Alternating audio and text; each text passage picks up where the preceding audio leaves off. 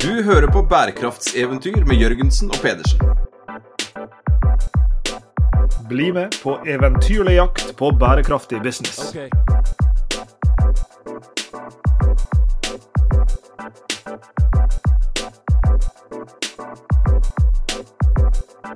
Sveinung, endelig så skal vi få tatt oss en tur til fremtiden.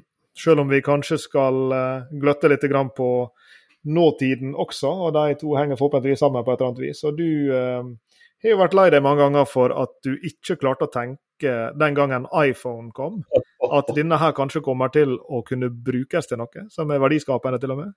Bomma jeg på iPhone òg, for jeg klager jo ofte på at jeg bomma på selve internett. ikke sant? Ja, det var gjerne internett du er mest lei deg for. 95, ikke sant? Jeg, og, og, satt der, og, og, så skulle vi gå opp og, og teste dette nye internettet. Og så satt jeg og venta liksom, tre minutter på at vg.no skulle åpne seg, og jeg satt og jeg savna jo tekst-TV. Jeg syns jo tekst-TV var helt fantastisk. Mm. Og jeg tenkte at det her vil jo aldri bli bedre enn tekst-TV. Jeg har tenkt på det i ettertid, liksom.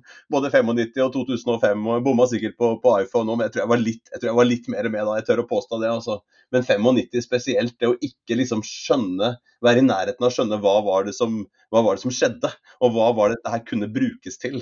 Eh, og etter hvert så har man jo brukt det veldig mye. Men, men jeg har mye tilbake på det, at det der, det skjønte jeg ikke. Og For å snakke om fremtiden og mye annet, så har vi eh, invitert en, en ekte futurist. Eh, og, og, Lars Rinnan er ikke bare futurist, han er også eh, CEO i Amesto Nextbridge. Angel investor. Han sitter i styret, han er foredragsholder og han er mye annet. Han har starta selskap innenfor business intelligence og, og kunstig intelligens-feltet og, og, og mye mer. Eh, velkommen til Bærekraftseventyr, Lars, og takk for at du er her. Takk for det, og jeg kjenner meg jo igjen i introen din, Sveinung. Jeg tror det er mange som bomma på både det ene og det andre sånn teknologigjennombruddet. gjennombruddet hvis jeg ikke husker feil, så gjorde vel Bill Gates det òg. Var ikke han som sa et eller annet om at ja, Hva han sa for noe? At det var en sånn 512 K måtte jo være nok for enhver, liksom. han bomma bitte litt på det, men det er ganske lenge siden da. Og jeg kan jo snu fortegnet. Altså, etter det så har jeg nok bomma veldig andre veien. Jeg har nok tenkt at vi skulle få større endringer raskere enn det som har eh, skjedd. Eh, men vi syns jo det, vi som er liksom enkle jordboere og bedriftsøkonomer, at den november 2022 og nyåret nå, når vi fikk tilgang til chat-GTP, eh, og, og ikke hadde vært med på utviklingen ikke helt visste hva som skjedde, så syns jo vi enkle jordboere at der der syns jeg liksom, jeg fikk liksom Akkurat som jeg fikk snuse på noe som, som, gikk i hvert fall langt forbi 1995, og som kanskje var nærmere sånn jeg trodde det skulle være for noen år siden. Så hva er det som rører seg om dagen, Lars? Det er mye som rører seg, da. Veldig mye, altså. og, og, jeg kan jo si at uh, vi som skulle si, jobber med det her faget, da, kunstig intelligens, hver dag, ikke sant, og utvikler og implementerer, og har gjort det en stund nå vi ble jo ganske overraska, vi òg, eh, over ChatGPT. Eh, det vi ikke ble overraska over, det var liksom teknologien som ligger under, med liksom de store språkmodellene. For de hadde vi jobba faktisk med en god stund. Um, vi begynte faktisk å jobbe med det i 2020, uh, midt under pandemien, ikke sant. Husker den? Ja. ja. Da ble vi kontakta av Det internasjonale Røde Kors, som fikk inn også tusener på tusener av fritekstrapporter fra hele verden. Det er en ganske svær organisasjon. Det Her, eh, hvis jeg husker riktig, så tror jeg de har 165 000 lokalkontor. Så det er en brukbart svær organisasjon. Litt større enn Ameston Expert, og kanskje enda større enn Handelshøyskolen nå, nesten. Eh, men altså Ikke høyere. Vi er den høyeste handelshøyskolen. Veldig høy, altså. Veldig, ikke sant. Spesielt høyreavdeling. Ja, ja, ja. Men, men, eh, de fikk da altså masse sånn fritekstrapporter inn fra alle de her. Uh, uformatert uh, og på forskjellige språk alt mulig rart. Og så satt det en liten gjeng uh, med folk da, i Genéve og skulle prøve å liksom, lese rapportene og forstå de og prioritere og respondere på covid-19-problemer. Det var jo bare å glemme. Så, så ble vi spurt da, om det gikk an å gjøre noe smart med det her. AI, et eller annet sånt, Kan ikke AI gjøre rundeverker? Og vi var litt usikre, fordi språkmodeller fram til da hadde egentlig ikke vært så veldig bra. Vi hadde testa det ut, men ikke vært veldig imponert. Alle som prøvde en chatbot før 2020, husker jo akkurat hvor det var mulig å bestille en for det er kinobillett, ikke sant. Die Hard 3, sa du Lillestrøm, ikke sant. Det blir helt kaos.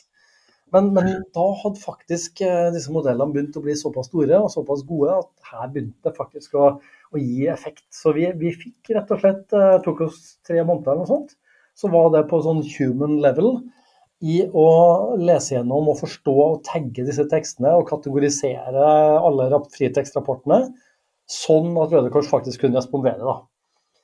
Så, så, så, det var liksom første gangen vi var innom med det, og da, da testa vi ut eh, GPT3, faktisk.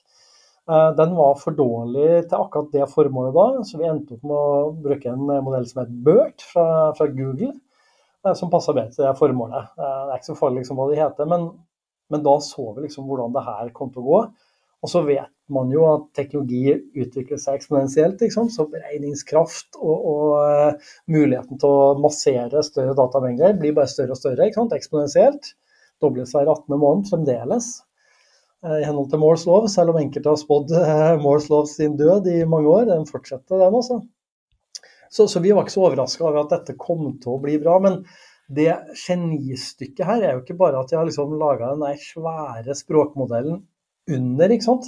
Så hvor de har liksom skrapa eh, halve nettet ikke sant? Og, og mange andre åpent tilgjengelige tekstbaser. Og så liksom bygde den på toppen av en, en, en maskinlæringsalgoritme, altså en sånn transformer-algoritme. Som når den første kom sant, i 30.11, så, så var jo den bygd på 175 milliarder parametere.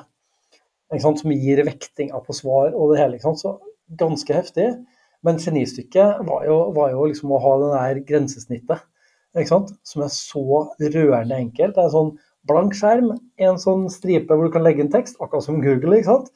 Og Der kan du legge inn hva som helst, og så få svar på nesten hva som helst tilbake. Så, så jeg tror liksom det er kombinasjonen av, av teknologiutviklinga og kraft og datamengder og sånn, men så er liksom det briljante brukergrensesnittet som er liksom bare helt uovertruffent. da som, som gjorde at eh, dette tok av. ikke sant? Og så ble det jo den raskest voksende appen i, i, i verdenshistorien. ikke sant?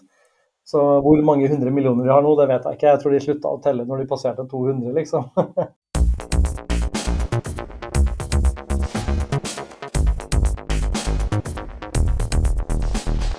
Det er jo noe med disse fantastiske eh, teknologiene som, som ofte har denne egenskapen at på, på den ene sida så blir vi ekstremt Eh, imponert og entusiastisk, og de, de, påvirker livet vårt. og Det kan være alt fra, fra iPhone, som vi snakka om i stad, som er jo mer en, en, en dings med et app-univers inni, til da spesifikt nå en, en sånn eh, diger språkmodell som ligger inni den appen, uh, ChatGPT f.eks.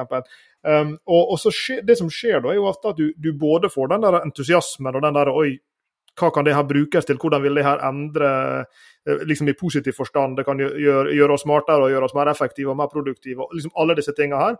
Og så er det selvfølgelig den, den andre sida av den mynten som, som, veldig mange også snakker om. og har fulgt en interessant eh, sånn, eh, kall det et ordskifte blant, blant, eksperter på kunstig intelligens i, borte i statene, som, hvor noen av det, altså det er spennvidden her, fra Nei, dette her er jo ikke noe å være, være, redd for. Ja, Kanskje vil noen jobber forsvinne, men andre jobber vil dukke opp. For øvrig en, en posisjon jeg, jeg, deler, akkurat den. Eh, men så er det andre av disse ekspertene som har jobba med dette her i veldig mange år, som virker beint fram livredde. Altså de, omtrent sånn at de tror at dette her vil bli enden på visa for hele vår sivilisasjon, og kanskje til og med vår art. Altså Spennvidden her i sånn risikoperspektivet på kunstig intelligens. Ikke bare fra liksom den, den, ulærde mannen i gata, men fra de som kan aller mest om det. Eh, den later til å være så veldig stor. Eh, så jeg er jo både interessert i å, å høre hva, liksom, hva tenker du når du trekker for gardinen om kvelden og legger deg ned. Er du, er du mest redd eller mest uh, liksom foroverlent? Uh, og, og, og, hvordan tenker du rundt, rundt disse, disse, risikoene som, som, uh, som, som følger av dette? Ja, Veldig store og viktige spørsmål. Um, eh, la meg bare ta liksom min holdning først. Altså, jeg har jeg valgt helt bevisst uh, å, å, innta en sånn positiv eh, holdning til teknologi. Mm. Det, det, er mange år siden jeg gjorde det, og, og det var liksom helt bevisst. for at vi, altså, Ingen problem å liksom være mørkesvart rundt det greiene her hvis du vil. Men det er mange nok som er det. Så tenker jeg at ja, jeg skal ikke være en del av det hylekoret. Jeg skal heller fokusere på det som kan være positivt, det som kan forandre verden. Det som kan gjøre, skape en, en Altså jeg vil heller liksom være med å skape en utopi da, enn å bidra til en dystopi. Mm. Uh, og det er et valg, ikke sant. Uh, du kan velge om du går sånn eller sånn, og så trenger du ikke å bli naiv selv om du velger å være positiv. Um, men jeg har liksom valgt det å uttale det. Og, og hvis noen tenker at jeg er liksom grenseland naiv, så får jeg heller leve med det, tenker jeg, enn at jeg skal gå rundt og være en sånn uh, mørkemann. For det har jeg ikke noe, lyst til.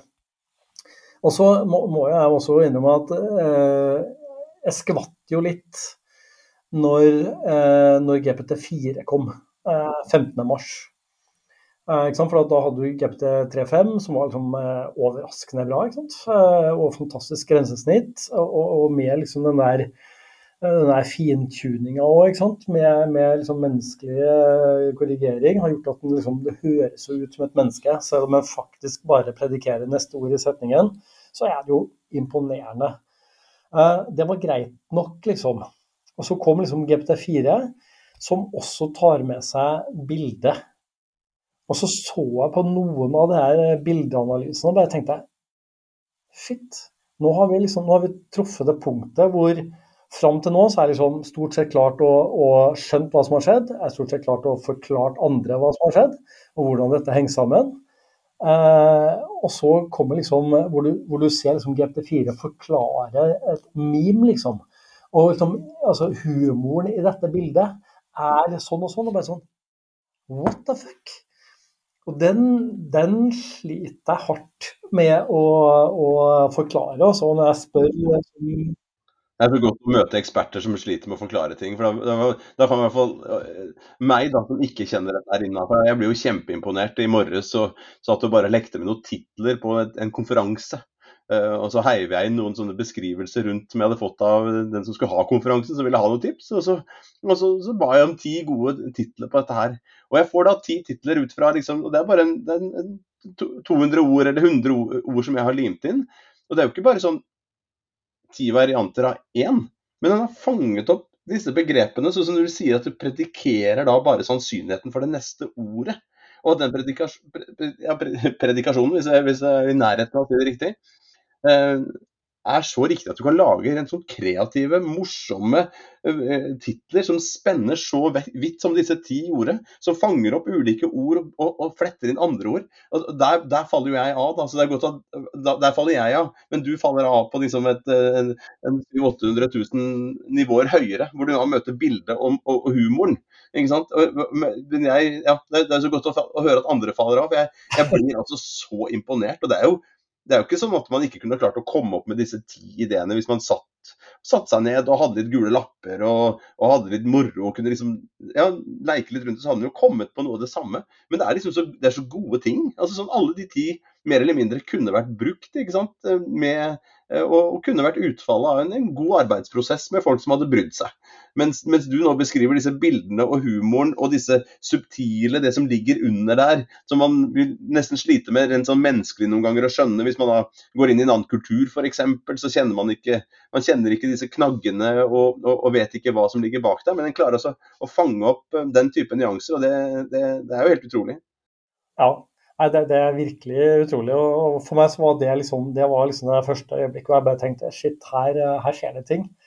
Og, og, det er jo det som man kanskje forventer, eller ikke bare kanskje, men det er det man forventer skjer framover her. Altså det med, som så, så pent kalles multimodalitet. Altså med forskjellige moduser. Ikke sant? Man starter med tekst, og så kobler du på bildet. Så har du liksom to moduser. Det burde jo hett bimodalitet, tenker jeg da, ikke multimodalitet. men uh, det heter noe multimodalitet. Og så kommer det jo flere moduser framover. Og jo flere moduser, jo mer ligner jo uh, dette på liksom de menneskelige sansene. Eh, og, og da, da, begynner vi liksom å snakke om det med liksom kunstig generell intelligens. I dag har vi jo det som kalles kunstig smal, eller artificial narrow intelligence, eller basic intelligence, hvor AI gjør én ting, men det gjør det kjempebra. Den AI-en som spiller sjakk og slår Magnus Carlsen, kan ikke kjøre, eh, kjøre en bil. Det er en annen AI som gjør.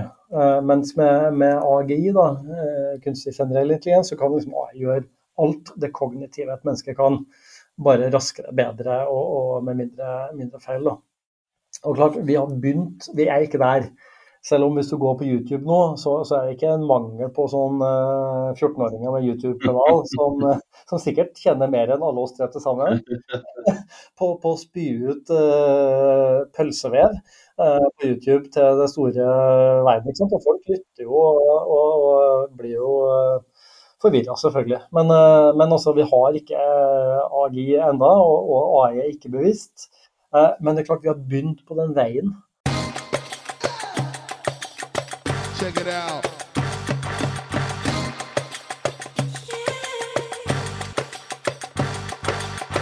Og så er det en tredje type intelligens, som vi skal si det, jeg kan få leke meg litt med skillelinjene her, som er jo på en måte den felles intelligensen som, som oppstår når, når, min og din intelligens møter den kunstige.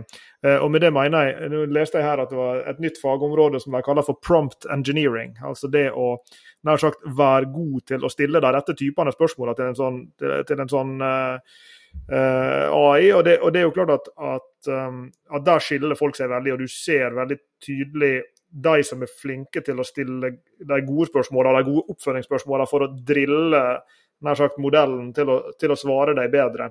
Uh, og, og um, noe av det som har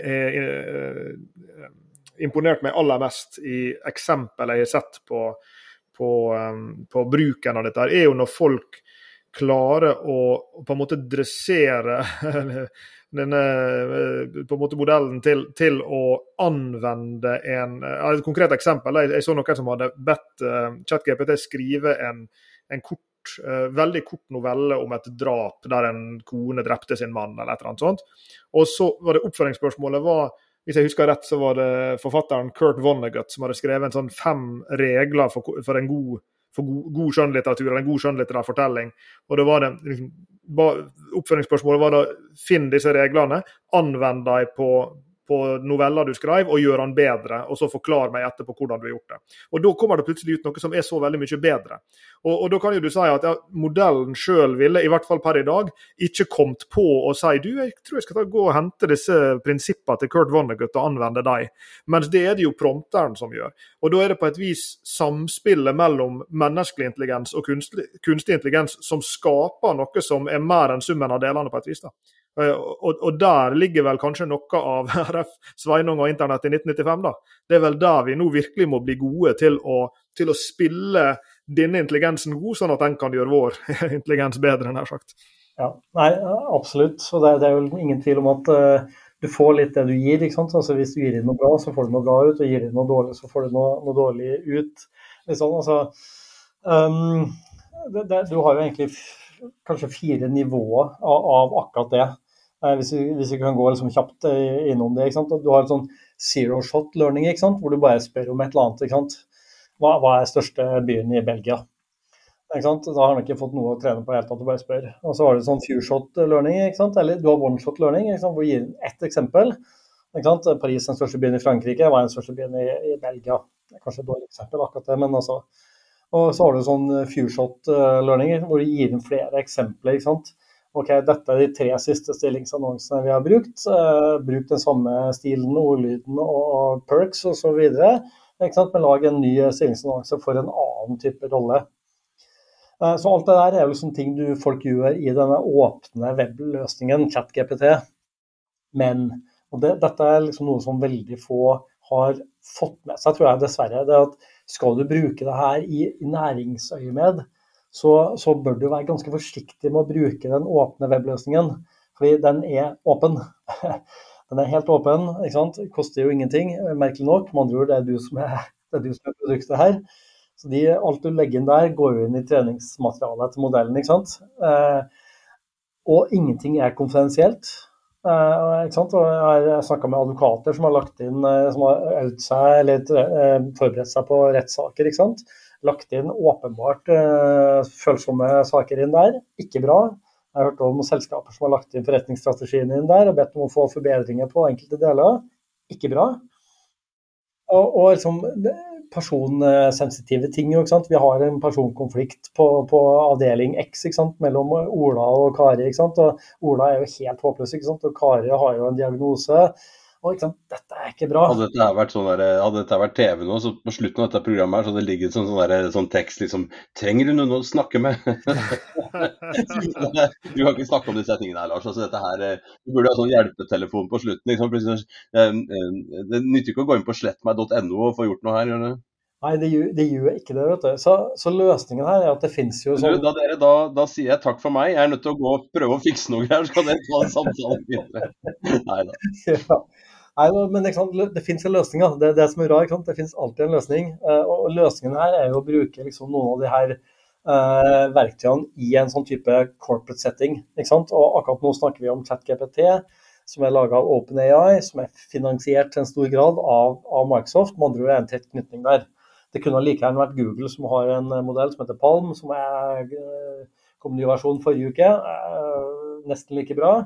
Så, så, dette vil være et kappløp. Google var bare litt treg til å komme i gang. Eh, flaut treg, men de, er, de, har fått opp farten, det er ingen tvil om. Men poenget er at her ligger det liksom en sånn type corporate ready eh. Så går du inn på Microsoft sin skytjeneste Asher, så du, finner du OpenAI Services.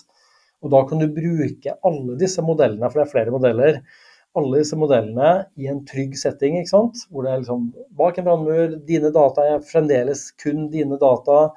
Eh, konfidensialiteten er ivaretatt, ikke, ikke noe problem. Og, og, det aller beste med det er at da kan du også fintune modellen på dine data. Med andre ord? Altså, du kan legge inn all forskning eh, fra Handelshøyskolen eh, siden tidenes morgen. Og så har du det tilgjengelig i et chattegrensesnitt. ikke sant? Eh, det er ganske heftig. Nå skal vi nå forberede deg til å, til å, eh, til å ha en leksjon. Så, og Dette er jo selskaper som har begynt å gjøre, som har skjønt. Eh, Morgan Stanley, ikke helt ukjent sånn wealth management-selskap, var jo en av referansecasene når de lanserte. Og de har da fora inn 100 000 forskningsrapporter. Alle markedsanalyser, alle konkurrentanalyser, alle investeringsbeslutninger. ikke sant? Har de da fora inn, trent på toppen av den store språkmodellen, og tilgjengeliggjort det til de som trenger det i selskapet, gjennom et chattegrensesnitt. Tenk deg hva det gjør med konkurransesituasjonen og tilgang på kompetanse og innsikt. Det er som å ha de flinkeste folka i selskapet. Et selskap med 75 000 ansatte. De flinkeste folka sitter på pulten din og bare venter på at du skal stille et veldig vanskelig spørsmål, så får du umiddelbart det beste svaret du kan tenke deg.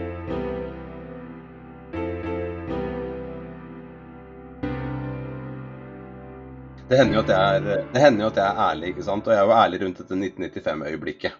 Eh, jeg så det ikke da, men det kan jo hende at jeg vil være ærlig en gang i framtiden og si at eh, når chat GPT kom, så så jeg jo heller ikke hva slags forretningsmodeller, selv om jeg er opptatt av forretningsmodeller. Vi forsker på forretningsmodeller, vi prater om det, vi er nysgjerrig på det, vi, vi bruker mye tid på det. Men, men, klarer jeg og vi egentlig å skjønne, for du drar opp en, en del nye forretningsmodeller, en, en, en, ny måte å tenke kunnskap, kunnskapsutvikling, formidling uh, på. Klarer vi å se nå hva slags forretningsmodeller som vil ja, som vil på en måte vokse ut av dette her, både på kort uh, sikt og litt lengre sikt? Jeg tror i hvert fall vi ser konturene av det. og Jeg syns også det er morsomt med forretningsmodeller, selv om jeg nok eh, ikke har gått like dypt som dere har gjort. da. Men altså, du ser flere forretningsmodeller i spill samtidig her. da. Du ser den ene som er liksom f.eks. Microsoft sin. da. Ok, Vi integrerer den inn i våre produkter, og så tar vi betalt for de produktene. Eh, enten som et abonnement, stort sett, eller som et forbruk av skytjenester og beregningstjenester. Så Asher, er jo sånn, Asher Consumption er jo hoveddriveren til Microsoft. Men klart, dette driver jo enda mer Asher Consumption, så det er selvfølgelig bra for de. Og så har du for de som bruker det. Også for, for sånn som Morgan Stanley, da, det eksempelet, syns jo det er briljant. ikke sant? Hvor de, de beslutninger kommer til å bli tatt mye raskere, men mye mer presisjon. Eh, og om det er en endring av forretningsmodell, jeg er ikke helt sikker på. Men, eh, men her er det i hvert fall mulig til å kunne ta, gjøre mye mer på mye kortere tid. Eh, og allikevel ikke gi bort all den besvarelsen til kundene. ikke sant? Så faktisk ta, øke marginene noe av det her.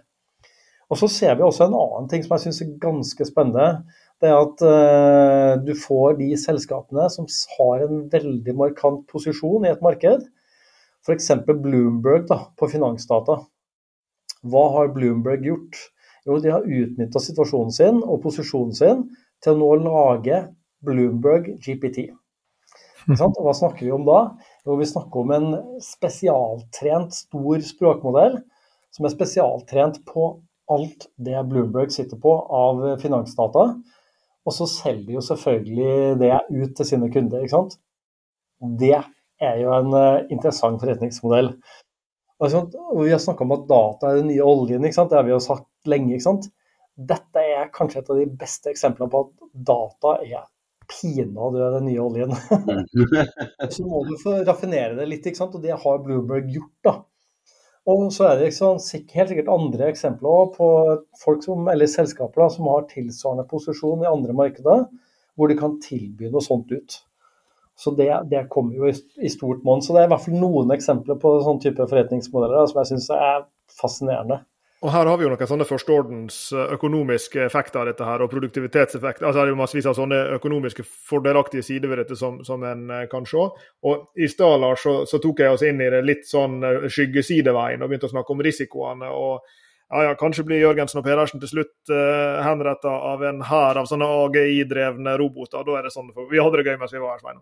Men hvis vi går til andre sida av mynten, så ser vi på alle de positive virkningene dette her kan ha. og Da tenker jeg ikke på rent for, for bedriften, det første nivået. men så det er jo grunn til å tro at, et, uh, at det vil være samfunnsmessig fordelaktige utfall av dette her. og Da skal jeg kaste ut noen kandidater, noen eksempler. Det kan være slike ting som at uh, ja, Google var jo en sånn Eh, plutselig kunne folk eh, få tilgang til kunnskap, de som ikke kanskje hadde muligheten til å gå på skole eller gå på høyere utdanning. Det her er jo x ganger høyere. Til at Du kan be han sette opp et introduksjonskurs i strategi for deg, og deretter gi deg, gi deg pensum. Og, og, så kan du sette deg ned og, og, og få sagt, eh, kunnskapen som ville ha vært i et introduksjonskurs i strategi. Så plutselig så kan du sitte og designe din egen utdanning på et vis, selv om du ikke har råd til å ta utdanning.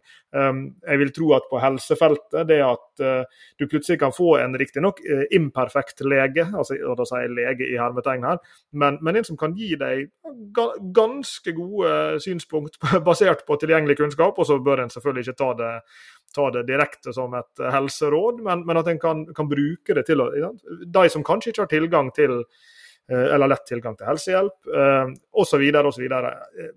Det spørsmålet som jeg går i retning av, er jo, Lars, og hva, hva er måtene du tror at denne teknologien altså de, de, positive samfunnsmessige fotavtrykkene dette her vil kunne ha da, for, for livet våre, for helsen vår, for kunnskapen vår? For, liksom, hva, hva, tenker du er de store positive ringvirkningene dette her vil kunne komme til å ha?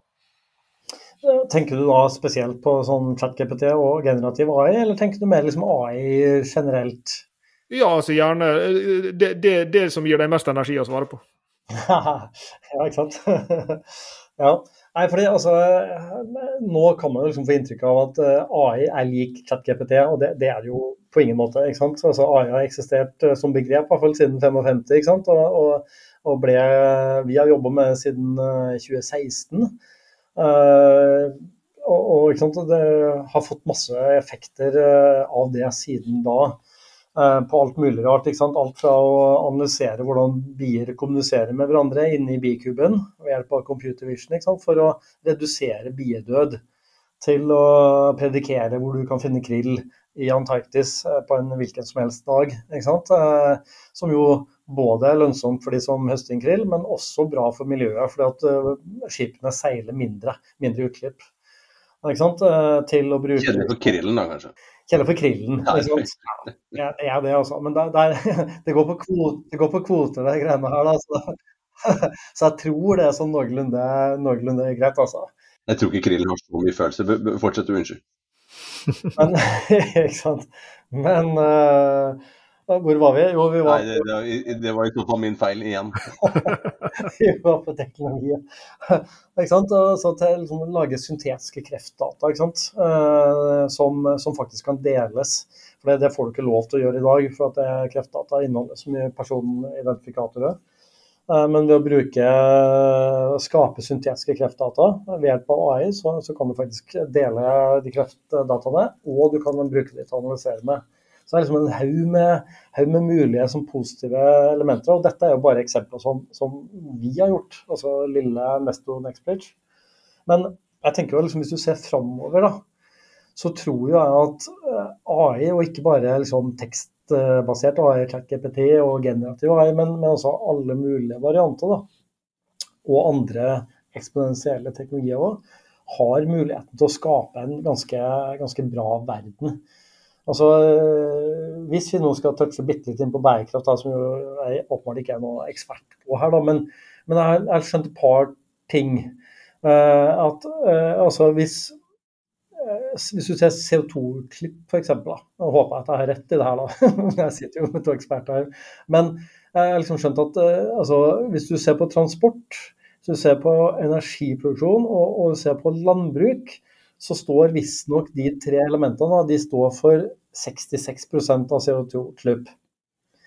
Uh, og, og, og, jeg tror at alle de her tre kan adresseres med, med teknologi. Altså biler, i hvert fall i, i, vårt land, så er de allerede i ferd med å bli elektriske. Etter hvert så blir de autonome. Da trenger du ikke så mange biler lenger. fordi at sant, I dag bruker vi bilen bare 4% av tida. Og resten av tida bare står der og blir uh, mindre verdt. Apropos dårlig forretningsmodell. Det, det, er veldig lite lønnsomt. Med autonome biler så vil du uh, trenge færre biler. De kjører kjøre hele tida. Når du ikke kjører der, så kjører de ut av byen til ladestasjoner. Eh, da får du en annen effekt. Da trenger du ikke parkeringsplasser lenger. De parkeringsplassene kan bli, okay, det kan bli ekstra boliger, det kan bli parker, det kan bli lekeplasser, det kan bli urban farming. Uansett eh, veldig, veldig positivt. Eh, og, og, og, parkeringsplasser er jo faktisk en betydelig andel av litt større byer. San Francisco så er 17% av byarealet parkeringsplasser. Helt meningsløst. Dette, dette, kan man liksom fjerne.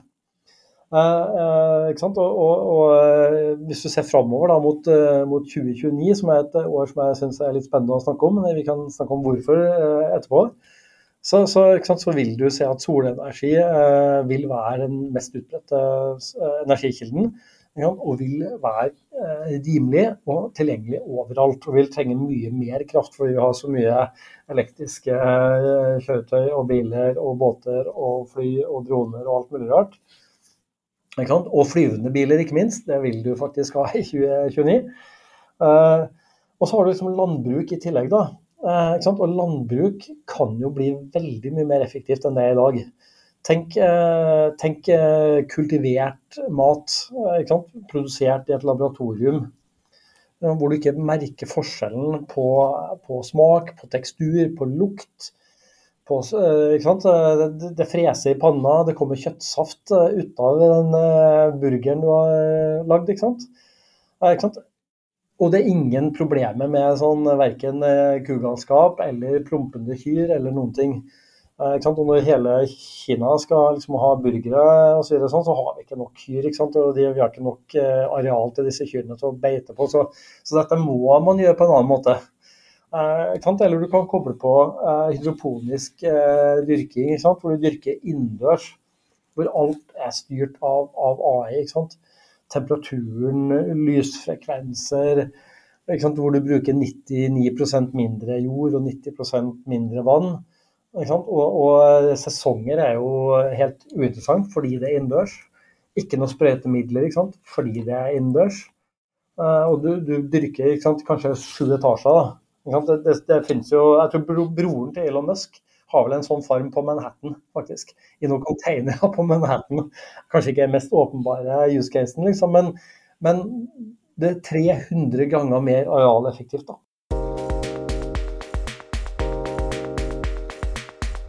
2029 sa du da har vi flyvende biler. og en, eh, Jeg tror blir forrige episode, så hadde vi Johan Gjærum på besøk, som er, eh, jobber med bærekraft og strategi i, i Ruter.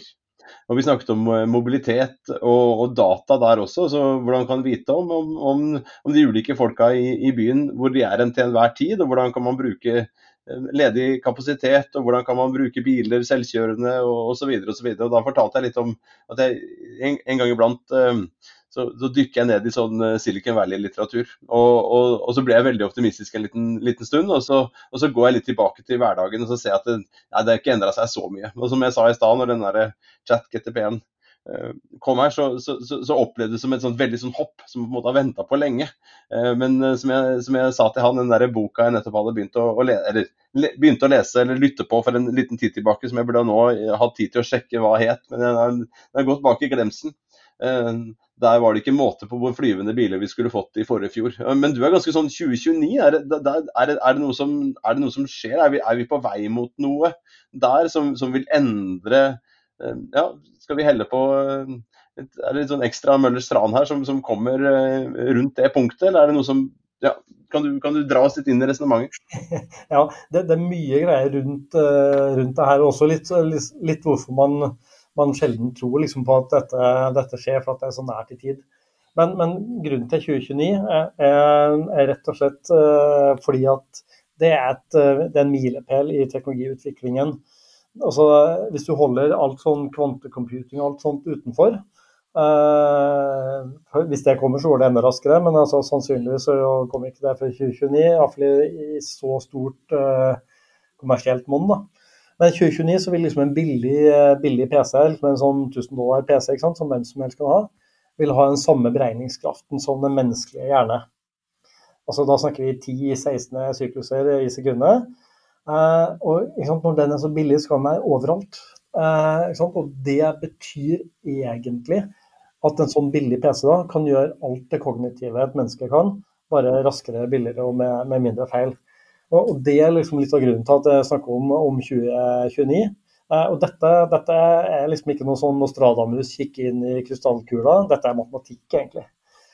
Um, så, så, det er liksom litt av grunnen til det. Og alt det som vi snakker om her, og det jeg ofte snakker om når det gjelder 2029, er jo ting som folk ikke har hørt om, men som gjerne enten er på forskningsstadiet eller på utprøving Eller vi ser at det er like rundt hjørnet. Og, flyvende biler det har jo alltid vært en sånn science fiction-greie. Til og med på 50-tallet hadde du science fiction med flyvende biler. Og teknologien var ikke i nærheten. Men fantasien var der. Så det er jo helt, helt fantastisk. ikke sant? Lyngordon og alt det der greiene. Men, men nå har vi teknologien. Og, og, eh, det er jo nesten ikke en, en bilfabrikant i dag som, eh, som ikke ikke er inne på et eller annet prosjekt med flyvende biler. Ja, alle jobber med autonome biler. Det er ikke noe å tenke på. Det er ikke noe å tenke på. Til og med Toyota, som er bitte litt treg på en del ting, er faktisk på det greiene her. Og, og dette har blitt så bra. Det gjenstår bare liksom noen få prosentpoeng i treffsikkerhet. Eh, og det er allerede liksom vesentlig bedre enn mennesker. Men eh, du må ha med deg du må ha med advokaten og jussen og, og, myndigheter og litt sånn greier òg. Eh, men også eh, Porsche eh, og, Airbus har jo et samarbeid, ikke sant. Ok, Den ene er ganske god på å lage biler, den andre er ganske god på ting som flyr. Ah, dette, dette har pågått noen år. ikke sant? Og, og drar du til Abu Dhabi, ikke sant, så har de jo faktisk sånn autonom drone ikke sant, som flyr deg fra ene sida av byen til den andre sida av byen. Og de har jo nok penger, ikke sant, så de kan liksom pøse deg inn i sånne prosjekter. Og så viser jo det liksom bare liksom hva som kommer, og så får du ikke det liksom i, i, i Drammen og på Tustna riktig enda. Men, men, det kommer, da. Dattera mi ble så inderlig glad her en dag hun er 11 og spurte meg om jeg trodde at det noensinne ville komme flygende biler. Så sa jeg ja, det, det tror jeg de begynner å bli ganske nær for. Entusiasmen var ja, like stor som da en leste disse science fiction-tegneseriene for, for 40 år siden. Jeg, jeg, tenker litt på den her eh, liksom, Nå er det ikke engang ti år fram til 2029, men, men, hvis vi tenker ti år fram, da. Eh, der er jo variasjoner over et sånt eh, Er det Bill Gates-sitat? Dette med at vi har en tendens til å overvurdere hva, hva, som skjer på et år, men vi undervurderer som regel kraftig det som skjer på ti. Og Nå stiller jeg deg noen sånne store sweeping spørsmål her flere ganger. Dette blir jo ett til i serien. og det er jo sånn, hva, Nå er jo du inne på noen av de tingene du forventer vil ha endra seg. Er, er, det andre store sånne teknologiske skift som, der vi ikke vil se at det skjer ting i 2024-2025, men kanskje hvis vi spoler fram til 2029 eller 2033, da, om vi går ti år fram, hvor vi vil ha gjort kvantesprang som, som vil endre ting på, på, samme måten som vi nå kanskje ser i real time at uh, kunstig intelligens er i ferd med å gjøre? Ja, altså, ikke sant? Vi har jo snakka bitte litt her nå om både, både bærekraft, vi har snakka litt om, om uh, mat og jordbruk. ikke sant? Og med mat så kan du jo koble på liksom 3D-printing og sånt i tillegg. ikke sant? Og mat kommer til å liksom bli lokalt. Lokalt, kortreist og veldig sunt og billig. Ikke sant? Så det kan jo faktisk fjerne det at 800 millioner mennesker sulter i dag. ikke sant? Det er jo helt forferdelig. Og vi har teknologien til å, til å gjøre det der. Eh, og, og Du 3D-printer allerede mat. Eh, det, jeg tror det var er det to år siden nå, tror jeg Sverige starta et sånt uh, testprosjekt uh, med 3D-printing av mat, og de starta på gamlehjem. da. det er litt dårlig gjort, for at de ikke ser det i maten noe særlig godt. ikke? Og ikke lukter de noe særlig godt, og ikke har det så veldig god smakssans heller. Og klager gjør det i hvert fall ikke. Det er liksom eh, sånn ideelt eh, testbed for 3D-printa mat. da. Men, eh, men sant, dette blir bare bedre og bedre og bedre. Og bedre. Eh, og du har en sushirestaurant i Tokyo sant, som også åpna for to år siden, hvor du 3D-printa også sushi. Basert på liksom, det du trenger av næringsstoffer etter at de har skanna ansiktet ditt og kobla det opp mot uh, liksom, dine biometriske sensorer. Og helse er jo også et sånt område hvor det, hvor, det, skjer masse, masse, masse greier. da. For egentlig, liksom, Hvis du tenker sånn det engelske healthcare Vi har ikke healthcare i dag, vi har sickcare. Du blir sjuk, du drar til legen, får noen piller, forhåpentligvis blir du bra. Så Det er jo reaktivt så det holder. Mens eh, framover her nå så vil vi se mer og mer at vi blir proaktive. Vi bruker sensorer til, til å overvåke hvordan det faktisk står til. Og så og får vi gode råd på å ta gode valg, som da hjelper til å holde oss friske proaktivt. Ikke sant? Og det, disse sensorene blir jo bare De fleste, eller mange har jo en sånn smartklokke. ikke sant? Og de, Til å begynne med så var liksom de målte puls, det var stort sett det. Og så begynte de å måle søvnmønster, og nå begynner de å måle blodtrykk. og er faktisk eh, FDA godkjent for det. Du måler insulinnivået. ikke sant? Du får sensorer nå som går på klærne, som går i undertøyet ditt, som går på kroppen din, og som går under kroppen din. For å hente mer og mer og mer data. Uh, og, og en sånn sak som også veldig mange tenker liksom, er liksom science fiction, uh, som du vil begynne å ha sett i 2029, men kanskje ikke overalt, er jo nanobots. Altså små roboter i nanostørrelse som injiseres inn i blodstrømmen din for å holde deg frisk. Og, uh, det høres jo litt sånn creepy ut. ikke sant? Det er bare sånn, det har jeg virkelig ikke lyst til. ikke sant? Skal jeg skrangle når jeg går og ville slå ut på sikkerhetskontrollen på Gardermoen? ikke sant? Det, men eh, man må tenke på at dette er liksom eh, nanostørrelse, altså én milliarddels meter. Og, og, og vanskelig å se for seg hvor, hvor, lite er det. At det er den distansen som fingerneglen din vokser på ett sekund. Ikke sant? Det, det, er sånn, det er ubeskrivelig smått. Så dette kommer til å bli like vanlig som å ta vaksine. ikke sant? Det går til legen, legen sier ta nanobotsene dine, så får du en injeksjon. ikke sant? Du aner ikke hva det er, men det gjør du ikke i dag heller. så vi tar vaksinen likevel. Da. I hvert fall gjør vi nordmenn det. Franskmenn de eh, går ut i gatene og protesterer. ikke sant? Men uh, nordmenn vi hører på myndighetene, vi har tillit. Så, så vi tar jo vaksinene våre. da.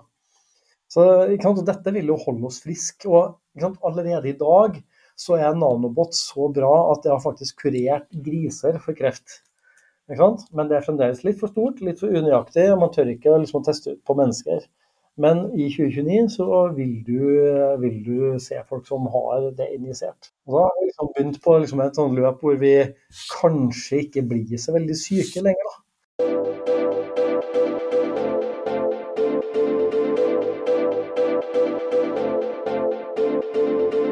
Du sa det at du var teknologioptimist, og det, det, kjenner jeg meg igjen i. Det å ta et valg rundt det. Altså, øh, jeg og Jakob kan jo kanskje være bærekraftsoptimister, sånn mer generelt, ikke sant. Eh, du sa du ikke kanskje kunne så mye om bærekraft, og så begynte du å liste opp bruken og anvendelsen av dette her i veldig veldig mange relevante områder. ikke sant. Så Sånn sett så er jo ekspertisene veldig nær hverandre. Um, jeg, jeg, må innrømme at jeg sitter og tenker på en ting, altså sånn tredje optimismebehov er jo en sånn menneskeoptimist oppi alt dette her. Jeg spurte deg litt om forretningsmodellene, og opp gjennom tiden så har vi jo hatt konkurransemyndigheter og, og, og myndigheter og prøvd å regulere det at ikke ett stålverk hadde på en måte hele monopolet, uh, men at man måtte, måtte, bryte det opp. Eller Microsoft har jo vært utsatt for det, at de, de ble så store at, at man måtte ha flere. Og når du jeg spurte deg litt om forretningsmodellen her, og hva er det som rører seg nå, hva er det som vil komme fremover, så vet du jo det at, at, den, den, den, faren for monopolisme og faren for at noen som er sterke, tar alt. Um, og, Dette kan jo skje i ulike typer former. Det kan skje på statsnivå, det kan skje på bedriftsnivå. Og så Det trenger ikke å være liksom bare knyttet til næringslivet, men at, det er noen som sitter med veldig mye mer makt da, enn de andre her. Og Det er ikke bare et spørsmål til deg, det er et spørsmål til oss. Klarer vi å være menneskeoptimister i tillegg? Klarer vi da å forestille at den teknologien vil, som gjør at 800 millioner mennesker vil få mat. Eh, og, og, og, Vi snakker om teknologi på helse. og, Det er så mange mange ting som er mulig her. Men jeg sitter liksom og tenker liksom, åh, mennesket oppi alt dette, vil de bruke denne fantastiske teknologien til alles ve og vel? Eller vil det fremdeles i framtiden også være Kamp om landområder, kamp om ressurser, kamp om å ha den riktige ideologien som passer best med et eller annet uh, syn. Uh, religiøse overtoner eller undertoner, ideologi. altså Det er så mange ting som bare det, det, som, som, går litt, sånn, litt for fort mellom øra mine akkurat nå til å uttrykke helt sånn tydelig. Uh, men, men, du snakker jo positivt med et positivt fortegn på teknologi, og et positivt fortegn kanskje også da på, på, bærekraft. At vi kan løse en del av disse store problemene vi har med klimautslipp og mat og rettferdighet. Ja, men så liksom, ja, klarer vi også å ta rettferdigheten? Liksom, klarer vi å trekke menneskets behov for å kanskje dominere, bestemme, ha makt da, oppi dette her? Og, og hvem vil sitte og eie denne helt eh, ja, eksepsjonelle teknologien i framtida? Det, det, er ikke et spørsmål, det er mer en litt, sånn der, hmm. en, en litt lang tankerekke. Nei, det er veldig interessant og veldig komplekst, selvfølgelig. Uh, altså, jeg er definitivt også menneskeoptimist. Altså, alt det liksom jeg tenker at vi kan bruke teknologi til framover er jo egentlig for det beste for mennesket. Og det tenker jeg det, det, er viktig å ha det perspektivet. Uh, det er ingen som ønsker et sånt kaldt, dystopisk uh, eh, framtidsbilde eh, hvor, eh, hvor, mennesker ikke snakker med hverandre lenger og ikke utviser følelser lenger. eller eh, altså Dit må vi ikke, eller ikke snakke med hverandre. Eh, så Det er jo sosiale medier. Det er jo, sånt, eh, det er jo egentlig AI sin skyld. Det var jo et stort eksperiment, og der bomma vi faktisk, for å være helt ærlig. Der bomma vi grovt. Så, sosiale medier er noe drit. Um, men la oss håpe at vi, at vi, har lært litt av det, eh, og at vi kanskje treffer bedre framover. Jeg tror jo at det må noen reguleringer til her. Vi toucha så vidt innom det her i stad òg. At det er noe opprop her om å pause utviklingen og, og, og, få på plass reguleringer. og det, det, det ser ut til at er i ferd med å skje. Altså, EU har jo allerede lansert sin EU eh, e AI Act, som vel kanskje er fremdeles er litt sånn litt sånn som GD GDPR når det kom. ikke sant? Altså, det var liksom, Noe av det er altfor generelt, og noe av det er altfor strengt.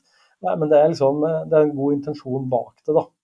Så vi håper at det kanskje blir bedre etter hvert. og du ser jo USA driver jo nå, ikke sant, Senatorene kaller inn Sam Altman i OpenAI til høring. ikke sant, og Det er jo like patetisk når de hadde Mark Zuckerberg inne. ikke sant, de, de skjønner jo ikke hva de skal spørre om, og de skjønner jo ikke svarene de får heller. Så det er jo litt sånn trist. Men, men man, liksom, man, skjønner at man bør regulere. Eh, og jeg tror også Kina er interessert i det. og Kina er vel kanskje en sånn, eh, sånn nasjon som er mer reguleringskåt enn det USA er.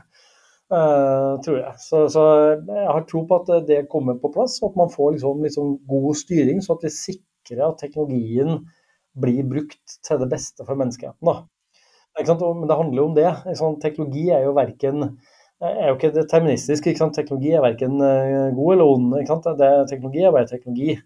Så det er opp til oss mennesker da, om vi vil bruke til noe bra eller til noe eh, ikke bra. Og det, det gjør, altså AI blir jo, blir jo, brukt til masse som ikke er bra i dag. Det, det, er jo ingen tvil om det kommer til å bli, bli brukt til det også i framover. Uh, og det er sånn, ja vi kan kanskje regulere oss rundt noe av det, og så får du ikke regulert deg bort fra at noen mennesker har stormannsgalskap, eller noen mennesker har personlighetsforstyrrelser, eller eh, er veldig aggressive, eller et eller annet sånt. ikke sant? Eh, men du kan regulere deg bort fra bruken av autonome våpen, f.eks. styrt av AI. Eh, det kan man regulere seg bort fra. og så betyr jo ikke det at en eller annen gærning et eller annet sted ikke, ikke kan lage et eller annet sånt, selv om, det, selv om EU har sagt at det ikke er lov. Så du kommer liksom ikke helt bort fra det. Men men, men altså, jeg tror det handler, til syvende og sist så handler det om oss mennesker. da. det er vi som må ta de her gode valgene. ikke sant? Og, og, og både for våre liv og, og, for vårt samfunn. Og det betyr at vi må ta noen gode valg når vi velger noen politikere òg. Og så betyr det også at det er noen politikere som kanskje bør sette seg bitte litt mer inn i hva som skjer. enn en hva, en hva, de kanskje gjør uh, i dag. Da. Uh, jeg skjønner De har en kjempevanskelig jobb. De skal liksom sette seg inn i alt mulig rart. og Dette er jo både litt uh, komplisert og, og, og komplekst, og, og, det går fryktelig fryktelig fort. Så det er jo ikke lett for en politiker, skjønner jeg. Men, men jeg syns kanskje ikke de De kunne ha jo spurt. og Det er et fint sted kanskje å, å sette punktum for, for denne praten, Lars. fordi jeg kjenner jo at, eh, og som Sveinung eh, har jeg nok noe av den eh, optimistiske legninga. Og praten her har gjort meg mer optimistisk også på nettopp det du er inne på nå. altså at vi, vi er jo med på å skape denne teknologien. og vi er med på å, altså ikke teknologien som sådan, men vi er med på å skape hvordan den spiller seg ut i samfunnet. da. Og det at vi både som enkeltpersoner, ikke minst som bedrifter, og som du også er inne på her nå, politiske og andre typer institusjoner som skal ligge rundt dette her, går bevisst inn i, i, den verden der og sørger for å få aller mest ut av disse positive oppsidene som vi, kan, som vi har snakka om og som vi ser eh, er der, og selvfølgelig med bevissthet om de skyggesidene som følger med enhver en teknologi. og Det har vi, har vi sett mange ganger før. og, og forhåpentligvis så lykkes vi igjen med å, å, finne formen på hvordan dette her også skal spille seg ut. Tusen takk, Lars, for at du eh, ble med på bærekraftseventyr og, og delte av dine erfaringer og din kompetanse på dette feltet. Eh, og så ser vi fram til å følge både det du driver med og dere i Amesto Nextbridge gjør på, på dette spennende feltet. Takk for at jeg fikk lov til å være med. Det var en skikkelig morsom og eh, givende samtale, syns jeg. Du har hørt på Bærekraftseventyr med Jørgensen og Pedersen.